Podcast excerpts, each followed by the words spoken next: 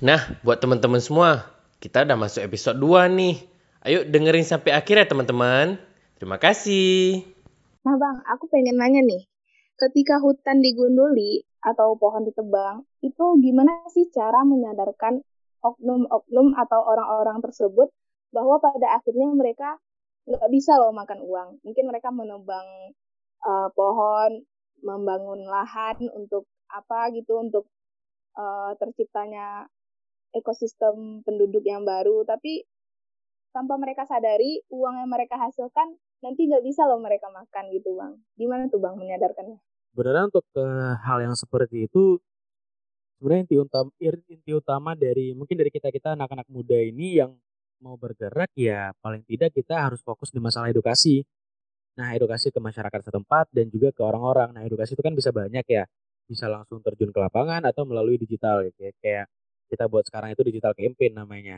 Nah tapi teman-teman mungkin uh, untuk hal yang seperti itu untuk yang lebih kita bilang untuk masalah perusahaan dan sebagainya mungkin itu lebih ke aturan ya atau hukum yang bisa mengatur uh, jalannya aktivitas di bagian untuk masalah kehutanan seperti itu. Jadi karena kalau misalkan kita kita ngasih edukasi terus ke mereka yang sebenarnya mereka paham terkait uh, dampak dari apa yang mereka lakukan terhadap uh, lingkungan, cuman ya mereka abai aja karena mungkin dari segi ekonomi itu kita bilang kalau anak-anak sekarang bilang tuh lebih cuan gitu ya. Nah mungkin kalau misalkan dari segi untuk menyadar tahukan mereka sebenarnya saya aku rasa juga mereka tahu untuk masalah uh, dampak negatifnya cuman ya mereka abai aja kayak gitu. Nah caranya ya paling tidak seperti yang baru-baru ini uh, dilakukan oleh um, pros, apa namanya presiden kita ya kalau misalkan teman-teman ngikut ngikutin uh, apa namanya beritanya jadi sekarang itu Jokowi itu udah mencabut ribuan izin hak penguasaan lahan negara yang terlantar. Jadi itu salah satu mungkin yang aku pikir adalah uh, langkah untuk meminimalisir masalah uh, lingkungan yang bakalan terjadi. Contohnya kayak uh, pembukaan lahan dan dan lain sebagainya kayak gitu. Kalau untuk ke masyarakat mungkin bisa dengan edukasi seperti itu. Kalau misalkan ke perusahaan yang yang mau membuka lahan dan sebagainya mungkin bisa dengan aturan-aturan yang bisa dibuat seperti itu. Hmm, bener juga ya Bang, karena kita nggak mungkin bergerak sendiri nih, apalagi buat perusahaan-perusahaan. Butuh suatu aturan yang mengekang mereka ya Bang. Iya benar. Ah, nah, kalian juga masih penasaran nih Bang, uh, menurut Abang, kira-kira ada nggak ukuran atau uh, parameter uh, itu kurangnya atau cukupnya populasi pohon di suatu ekosistem Bang? Dan kalau misalnya uh, populasi pohon itu kurang, Kira-kira menurut Abang apa upaya yang bisa dilakuin Bang untuk uh, menjaga keseimbangan pohon di hutan itu tetap uh, terjaga Bang? Oke, untuk parameter kali ya. Nah, untuk parameter mungkin yang untuk bisa kita lihat kita ngambil lebih ke arah sampelnya aja ya. Misalnya dalam suatu daerah kalau misalkan kita bilang kalau untuk uh, nilai tertentunya mungkin aku nggak bisa bilang ya karena uh, belum riset juga yang kita buat dan hasil risetnya juga aku belum nemuin juga. Nah, kalau misalkan kita ngambil sampel aja, kalau misalkan satu daerah itu kita bilang untuk pohonnya sedikit, ya itu berarti bisa kita bilang populasinya kurang kayak gitu. Misalkan kita kita lihat dalam di kota Banda Aceh. Kota Banda Aceh sekarang kalau menurut aku itu udah uh, kota yang bagus karena udah ada banyak pohon ya di pinggir jalan. Jadi uh, untuk bagi teman-teman yang berjalan di pinggir yang berjalan kaki juga aku rasa juga udah uh, tercukupi untuk tidak panas ketika di jalan. Cuman ya uh, balik lagi ketika satu daerah uh, pohonnya kurang ya kita bisa kita lihat sendiri berarti daerah tersebut pohonnya kurang seperti itu. Kalau untuk nilainya sendiri aku belum bisa bilang karena uh, apa namanya aku juga belum punya ilmu yang cukup juga untuk melihat uh, hal seperti itu gitu ya. Nah kalau tadi yang kedua apa tadi pertanyaannya? Uh, yang kedua tuh uh, upaya untuk tetap menjaga kelestarian pohonnya bang, siapa uh, populasi pohon di lingkungan kita bang. Oh oke. Okay. Jadi kalau untuk seperti itu uh, mungkin teman-teman pernah ikut aksinya atau teman-teman pernah tahu salah satu caranya adalah melakukan reboisasi. Nah mungkin itu dari SD kali ya kita udah tahu uh, cara untuk uh, apa namanya menjaga lingkungan. Nah dengan penanaman pohon kembali, terus juga melakukan tebang pilih, terus juga uh, apa namanya melakukan tebang tanam jadi kayak misalkan nih di, di hutan ini kita melakukan penebangan tapi kita juga langsung uh, melakukan penanaman di daerah tersebut gitu untuk menghindari uh, terjadinya pengurangan populasi pohon seperti itu. Nah mungkin untuk anak-anak muda kayak sekarang yang kayak kayak kita ini yang uh, lagi senang-senangnya buat ikutan aksi atau misalkan mau uh, kita tuh mikir ah, apa yang bisa kita kasih ya untuk minimal uh, menjaga lingkungan kita. Nah itu bisa aja dengan misalnya nih di depan uh, rumah kita nih di depan rumah kita ada lahan kosong ya tanam aja kayak pohon-pohon pepohonan gitu mau pohon jambu kayak pohon mangga kayak terserah kayak gitu kan. Nah pokoknya mulai dari lingkungan terdekat kita itu kita lihat aja sih apa yang bisa kita lakuin. Contohnya kayak tadi aku bilang mungkin bisa tanam pohon di depan rumah atau ikutan aksi-aksi dari komunitas lingkungan untuk menjaga uh, lingkungan dengan cara nanam pohon kayak uh, beberapa tahun terakhir aku ngelihat banyak penanaman pohon mangrove yang ada di pinggiran pantai itu mungkin salah satu upaya untuk menjaga populasi pohon seperti itu. Wah, jawabannya sama bagus nih dari Bang Lutfi. Mungkin teman-teman nanti bisa tahu ke depannya gimana uh, upaya yang bisa dilakukan untuk menjaga keseimbangan populasi pohon di lingkungan kita. Nah, mungkin Bang, uh, Khairil uh, mau flashback sedikit nih pas SD kami juga belajar uh, gitu tentang uh, upaya untuk menjaga uh, keseimbangan populasi pohon di lingkungan.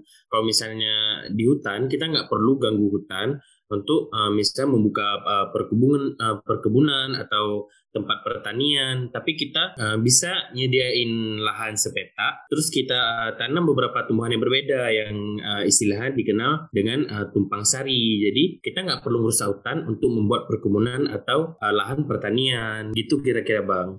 Iya, iya, itu juga salah satu langkah yang bagus juga sih sebenarnya. Nah, mungkin dari Rahma nih, Rahma masih penasaran kayak nih bang. Gimana iya dong, dong Khalil. Ah, gini bang, abang pernah nonton film Wall-E nggak? Oh iya iya, tahu-tahu. Yang robot itu ya? Ah, iya pas banget bang. Jadi kan di film itu manusia tuh tinggal di luar angkasa karena tanah di bumi nggak bisa lagi ditumbuhi tanaman kan bang? Iya. Yeah. Jadi dari film itu aku jadi kepo, uh, gimana sih bang caranya biar kita bisa uh, mempertahankan kualitas bumi, kualitas tanah kita biar tetap bisa dihidupi sama tumbuhan-tumbuhan gitu bang. Oke, jadi itu sebenarnya kalau aku boleh jawab itu uh, balik lagi ke kitanya masing-masing individu manusianya kita tuh belajar tentang uh, kita tuh enggak kita mulai dari diri sendiri diri kita mulai dari diri kita sendiri dulu itu pelajari dulu tentang bagaimana sih pohon bagaimana sih uh, karakteristik tanah ya kalau misalkan dari tadi yang Rahma bilang nah kalau misalkan kita udah cukup ilmunya kita perluas lagi dengan kita gabung dengan uh, apa namanya gabung dengan uh, salah satu forum atau dengan gabung dengan beberapa forum untuk meningkatkan istilahnya kalau kita udah cukup belajar melalui yang kita terima aja atau kita baca-baca di internet, nah kita bisa mulai gabung dengan teman-teman eh, di forum atau komunitas atau gerakan untuk coba belajar langsung turun ke lapangan seperti itu. Nah, kalau misalkan untuk eh, secara kita bilang secara lebih besarnya, sekarang memang kondisi bumi itu agak bukan agak ya, udah udah tua dan eh, banyak sekali masalah yang ada di bumi ini ya. Jadi permasalahannya pun nggak cuma karena pohon doang untuk masalah bumi. Jadi bisa aja karena uh, batu bara, emisi gas segala macamnya, efek rumah kaca itu banyak masalah yang mengakibatkan bumi ini sekarang udah tua dan cukup kita lihat kalau istilahnya udah kita kita visualkan jadi seorang manusia udah tua rentan dan gak sanggup ngapa-ngapain lagi sebenarnya. Nah itu untuk sekarang kita lihat ya kalau misalkan tadi aku bilang untuk masalah apa namanya kita belajar dari diri kita sendiri kalau secara luasnya ya dilakukan penelitian-penelitian seperti itu kayak ini kita harusnya ngapain ya ke depan? Ini kita harusnya buat apa ya ke depan? Seperti itu. Mungkin kita bisa belajar dari uh, lingkungan kita juga kayak gitu. Kita lihat aja kayak sekarang mungkin di depan rumah kalian nggak ada lagi pohon seperti itu kan. Nah kita bisa coba menanam pohon lagi atau misalkan kita lihat uh, daerah kita ini mungkin ter sering terjadi banjir kenapa sih masalah banjir apa sih masalah yang uh, yang diakibatkan sehingga terjadinya banjir seperti itu. Kita bisa belajar dari lingkungan kita juga dari bencana yang kita lihat uh, sekarang ini.